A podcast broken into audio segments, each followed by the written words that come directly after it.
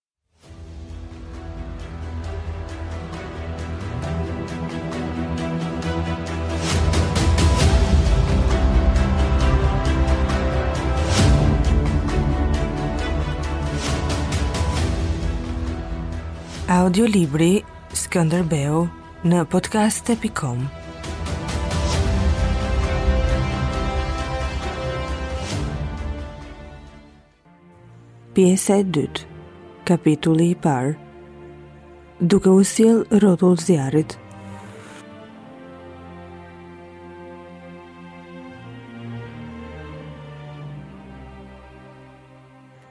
Në shkurt të vitit 1451, tre muaj pas kthimit nga Kruja, vdiq në Edrenë Sultan Murati i II, reformatori i shtetit sulmues osman. Truri i tij, që drejtoi perëndorinë për 30 vjet, u përmbyt nga një llavë gjaku.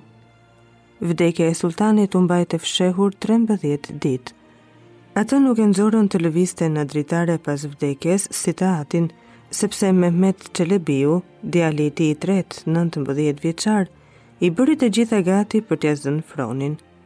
Djali u kurorëzua për herë të dytë sultan. Ai u betua për shpirtin e babait, për shpirtin e 124.000 profetëve, mbi Kuranin dhe mbi pallën e tij, se do të ruante frymën e profetit dhe do ta çonte fenë islame në veriun e botës. Sultani i ri vrau vëllanë e vogël 8 muajsh dhe martoi e shpërndau gratë e babait, duke mbajtur në pallat vetëm valide sultanën, nënën e tij të krishterë, meqë dy vëllezërit e mëdhenj kishin vdekur më parë, rreth fronit nuk mbetej asnjë pretendent i gjallë. Këto spastrime për zhdukjen e atyre që mund të kërkonin fronin, Mehmeti i shpalli si kanunin e tij të parë, që do të mbetej në fuqi për katër shekuj. Europa mori frymë me vdekjen e Muratit të dytë, që kishte qenë luftëtar i madh dhe sundues i regjur. Europa u ndie përkëdhelur kur sultani i ri mbaroi punët e familjes dhe filloi t'u kërkonte paqen të gjithëve. Letrat, dhuratat dhe ambasadorët e tij gazmorë çuan hare në oborret e lindjes dhe të perëndimit. Sultani përtëriu paqen me venecianët dhe nënshkroi një paqe tre vjeçare me Huniadin, Në Edrenë vërshuan ambasadorët e të gjitha vendeve të lumturonin këtë kalorës të ri Muhamedan, që i sillej kujtdo me nderime dhe që premtonte të ndreqte ndonjë paudhësi të të atit. Në Edrenë mungonte vetëm ambasadori i Skënderbeut. Sultani i ri përmbahej mirë tek shihte vezirët dhe pashallarët e Muratit t'i ndalnin krahun. I ati vazhdonte ta pengonte, edhe që përtej varrit. Po kjo ishte një e vërtetë e përkohshme. Sa për fqinjët, ata le të prisnin. Askush nuk e dinte se kishte dalë njeriu që do të përmbyste si një lodër perandorinë e Bizantit, do të gjunjëzonte Venedikun duke arritur në afërsi të Triestes, do të thyente persët, do të mposhte princat e Detit të Zi dhe më në fund do të zbarkonte në Itali për të kërcënuar Romën. Ai do të tmerronte Europën dhe Azinë për pesëdhjetë vjet si sulltani që sundoi më gjatë në historinë e Perandorisë, duke synuar pushtimin e botës.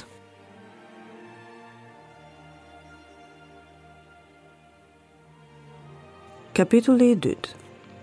Vladan Gjurica i tha Skënderbeut se nga 100.000 dukatët që duhet të jepte, lidhja e Lezhës nuk kishte dhënë pothuajse asgjë. Vladani rrinte i përkulur, me trupin e gjatë e të bukur si me mendje të humbur. Mirimi i luftës i kishte rënë sipër. Që lidhja e Lezhës kishte dhënë fare pak, Skënderbeu e dinte, por ai shihte se edhe principata e tij i jepte gjysmën e asaj që duhet të jepte. Ndoshta gabimi ishte bërë në fillim kur mori fuqinë. Kishte patur dy rrugë për të qeverisur. Të mbante timaret e lëna nga turku, duke u bërë ai vetë kryezot i të gjithë timareve, ose të kthehej në zakonin e etërve, të kryezotit që u jepte pronat vasalëve dhe që merr për vete një dukat e një karroqë drith për tym oxhaku, si dhe taksat e tregut. Sistemi i timareve përqendronte fuqinë, rriste të ardhurat dhe vendoste kontroll të rreptë mbi to. Po gjëja e parë që kërkonte fshatari, ishte të shpëtonte nga ky sistem i urryer. Të mbante timaret, do të thoshte të mohonte kryengritjen e t'i nxirrte themelet. Kështu Skënderbeu u kthye te sogji i vjetër i etërve. Ky jepte pak në kohë paqeje dhe fare pak në kohë lufte, meqë ushtarëve u faleshin taksat për kohën e shërbimit. Taksat duhen medoemos, ushtria nuk mbahet vetëm me urime e lëvdata, tha Skënderbeu. Vladani ngriti kokën të thoshte diçka, por ndërroi mendje dhe foli ndryshe. Dogana dhe tregjet japin fare pak. Lufta ka dëmtuar tregtinë, tha ai. Ndjente se do të ashpërsoheshin fjalët dhe donte t'i mënjanohej kësaj.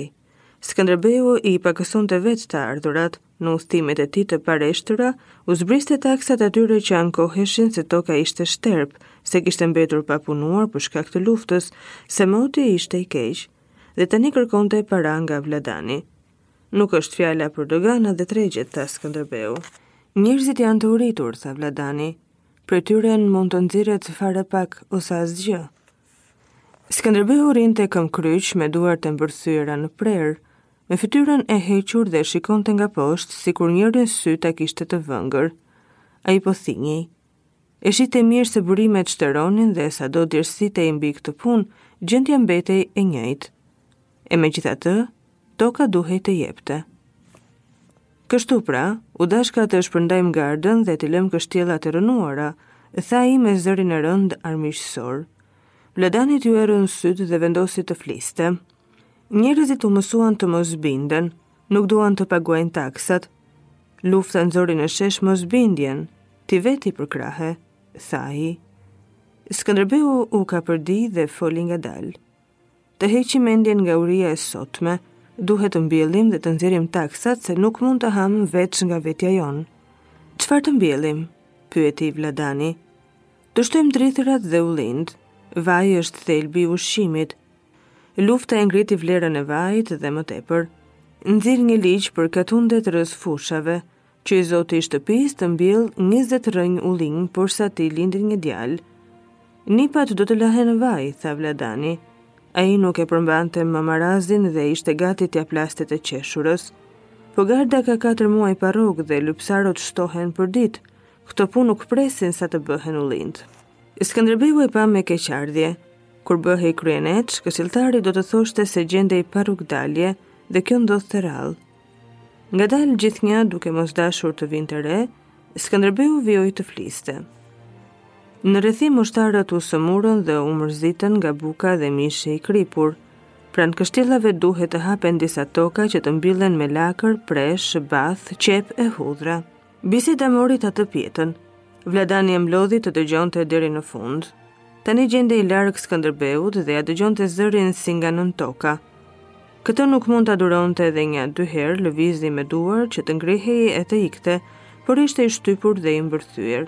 Hiqte keq të zotëronte mjekrën dhe nëpër dhëmbë dhe tha nëpër dhëmbë se njerëzit jetonin me lakra të egra. Skënderbeu prapë nuk e dëgjoi dhe tha: Arrat, fiqtë, mollët, dardhat e thata u duhen kështjellave për të sëmurët dhe për të plagosurit. Caktoji çdo katundi atë që duhet të japin sipas llojit që rritet në krahinë. Këto shtojua mbi taksat. Vladani u habit dhe zgjati kokën të shihte të kuptonte. I hipi një shqetësim i papritur për Skënderbeun.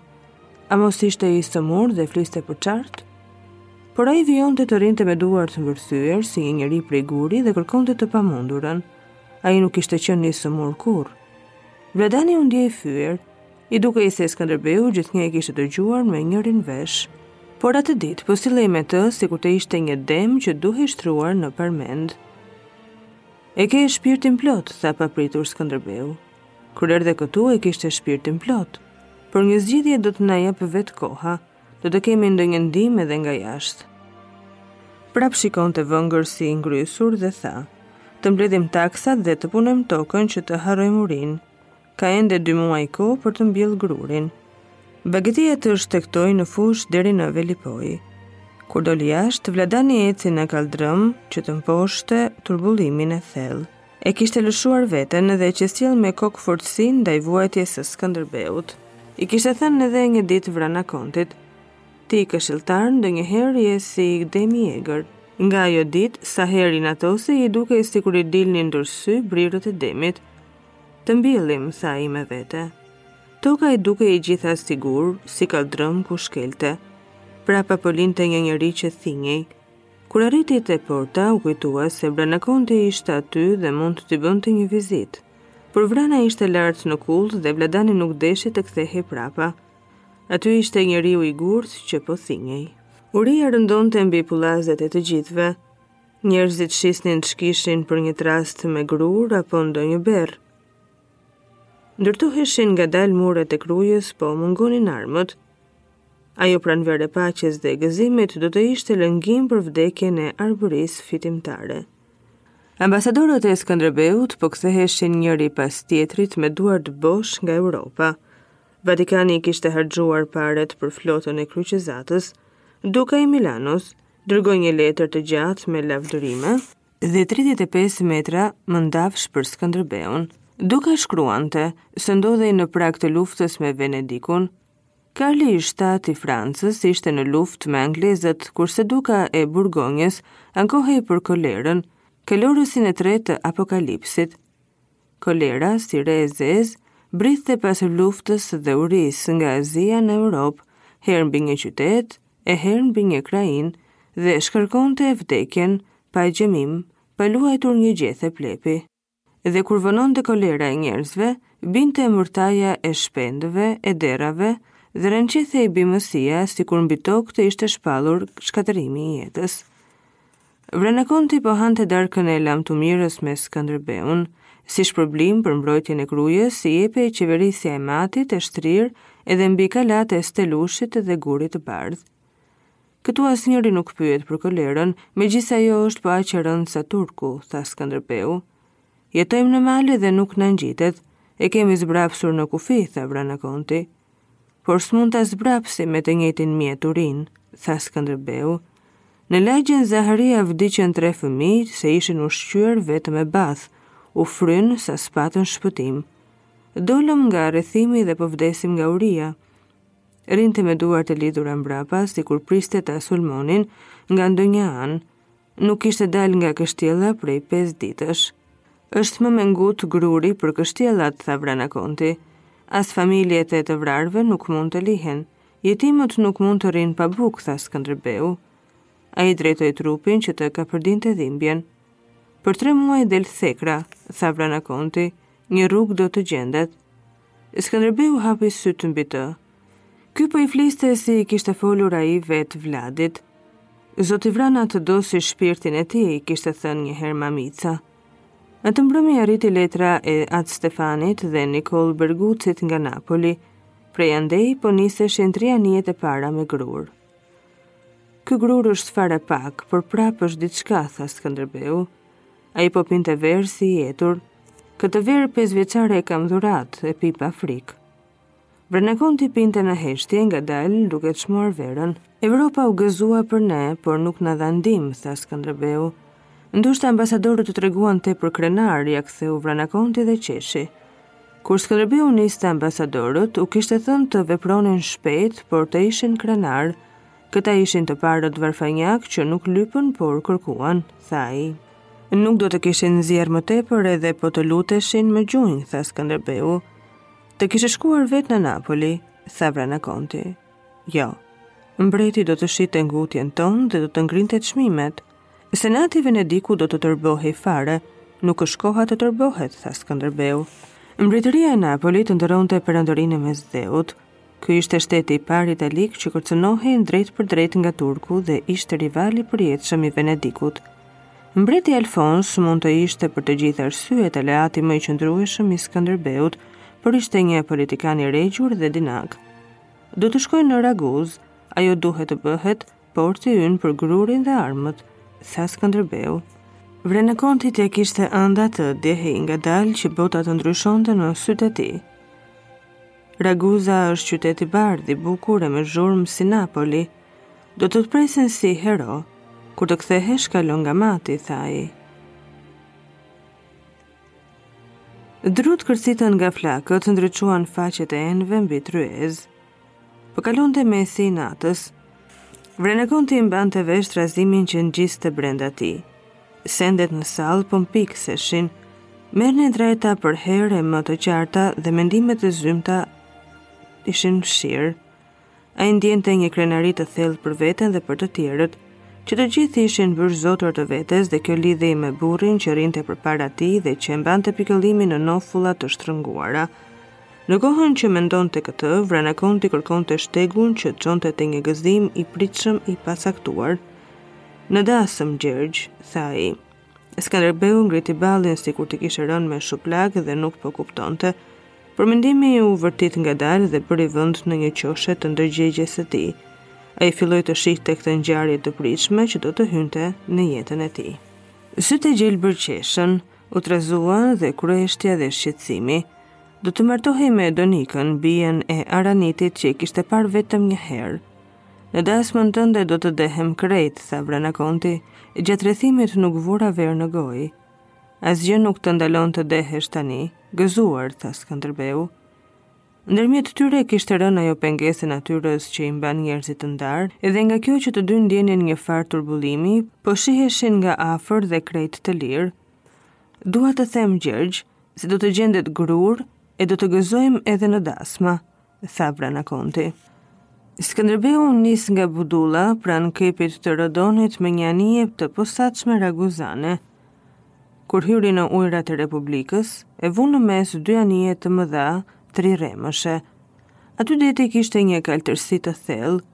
Në fillim ai pa muret e kështjellës, pastaj u shfaq njëherësh vetë qyteti me diell, i pasqyruar në det, me pallatet dhe foltoret me shtylla mermeri, si një ngrehinë dëbore që shkiste në faqen e maleve të larta.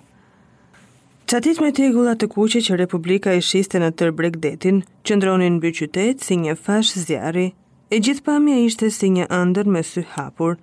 Qyteti i ngjante një tasi argjendi të mbushur me pasuri, gati për t'u derdhur. Tri anijet zbrazën topat dhe menjëherë u përgjigj kështjella duke çarë kaltërsinë me buçitjen e saj. Nga deti dukej sikur ajo kështjellë mund t'u bënte ballë flotave të botës. Por Republika s'kishte ndër mend të luftonte me njeri. Ajo jetonte nën mbrojtjen e Hungarisë, por kjo nuk e pengonte të paguante pesë mijë dukat ari haraç sulltanit. Kjo republikë që pushtohej me sy e ngushtuar në rripin e tokës, ndërmjet maleve dhe detit, e blinte paqen me para në dorë nga cilido që shfaqej në kufi. Ballkonet e pallateve, skela dhe sheshi përpara senatit ishin mbushur me njerëz, kështjella dhe tre anijet zbrazën topat prapë duke përhapur në ajër tymin e barutit. Turma në breg dhe në qytet brohoriti. Skënderbeut po i bënin pritjen e çlirimtarit. Përveç Huniadit, ky ishte i vetmi gjeneral që thyente sulltanin. Kur zbriti Skënderbeu në tokë, katër përfaqësues të senatit iu vunë prapa dhe ai eci mbi qilimin e kuq përmes një populli që donte ta merrte në krah. Në Raguzë jetonin një komunitet i madh shqiptar. Ata thërrisnin më fort, qanin dhe binin në gjunjë. Skënderbeut po i merrej fryma. Ai kaloi përmes rrugës dhe sheshit që të çonte në Senat. U tret në diell qyteti që kishte parë nga deti si një vegim. Përtej popullit që e përcillte me thirrje të larta, ai shihte pallatet e fisnikërisë me katër a pesë kate, me ballkonet prej mermerit të skalitur, me dritaret me xhama shumëngjyrëshe dhe me statujat. Flota, kantierët detare, doganat që shtriheshin deri në Kotor, punishtet, degët e tregtisë në Europë e Mesdhe, administrata shtetërore, politika, banonin atje lart. Përmes pallateve dredhonte shtresa që mbante erë, rrugët e furxhinjve, kasapëve, farkatarëve, endësve, këpucarëve që përpiqeshin të nxirrnin diçka më tepër nga çakërdisja e qytetit. Me urdhër të Senatit, ishin mbyllur atë ditë shtëpitë publike dhe lokalet e kumarit, por ishte edhe një shtresë që nuk zinte një vend të caktuar. Hamejt, druvarët, çirakët që banonin ku të mundnin, sepse pas zjarreve të mëdha në qytet nuk lejohej ndërtimi i kasolleve dhe i barakave. Skënderbeu dhe sueta e tij u pritën në pallatet e fisnikëve, Juri Degradit dhe Luksi Melçelikut, që dhanë tre ditë festa për llogari të Senatit. Skënderbeu dëgjoi në Senat një fjalim të shkrimtarit David, kancelar dhe orator që e quajti hyni, diell, yll që vezullon mbi Raguzën dhe mbarë krishterimin. O lumë dheu që të nxori. Thërriste shkrimtari me krahët përpara, si për të vënë gjithçka në këmbët e Skënderbeut dhe thoshte: Republika e Raguzës me burra, gra e fëmijë, Të kushtohen ty, o hero i shekullit. Senati krenohej me shkrimtarin David, si me stolinë më të vyer të qytetit. Ju do të bëni vepra të mëdha, por ne jemi edhe më të mëdhenj. E shihni vetë, sepse po qëndrojmë këtu për të çmuar veprat tuaja, dhe po të mos jemi ne, këto vepra do të humbasin, dukej sikur thoshte me kënaqësi Senati. Gjergj Pelini i Rotecit, që shoqëronte Skënderbeun, i fliste popullit të mbledhur në shesh dhe shpërndante bekime. Në darkë, senatorët pinë prap verën e Miçilikut. Të nesërmen kryetari mbajti para senatit një fjalim që do të bënte jehonë. Gjithçka po lundronte për mbarë.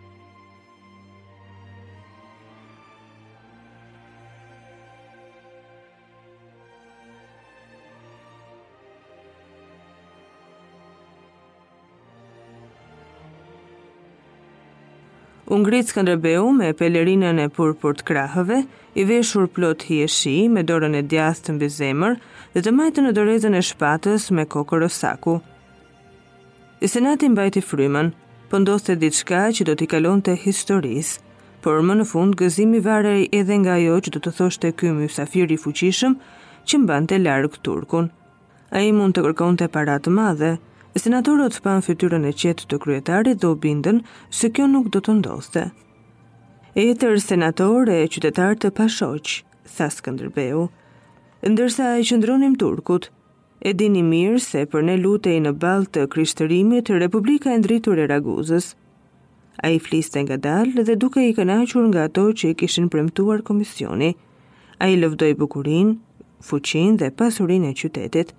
Senati u kapërdi dhe u zvogëlua dhe prapë vështroi kryetarin. Senati nuk donte që çdokush t'i numëronte paret në arkë. Po Skënderbeu nuk tha gjë.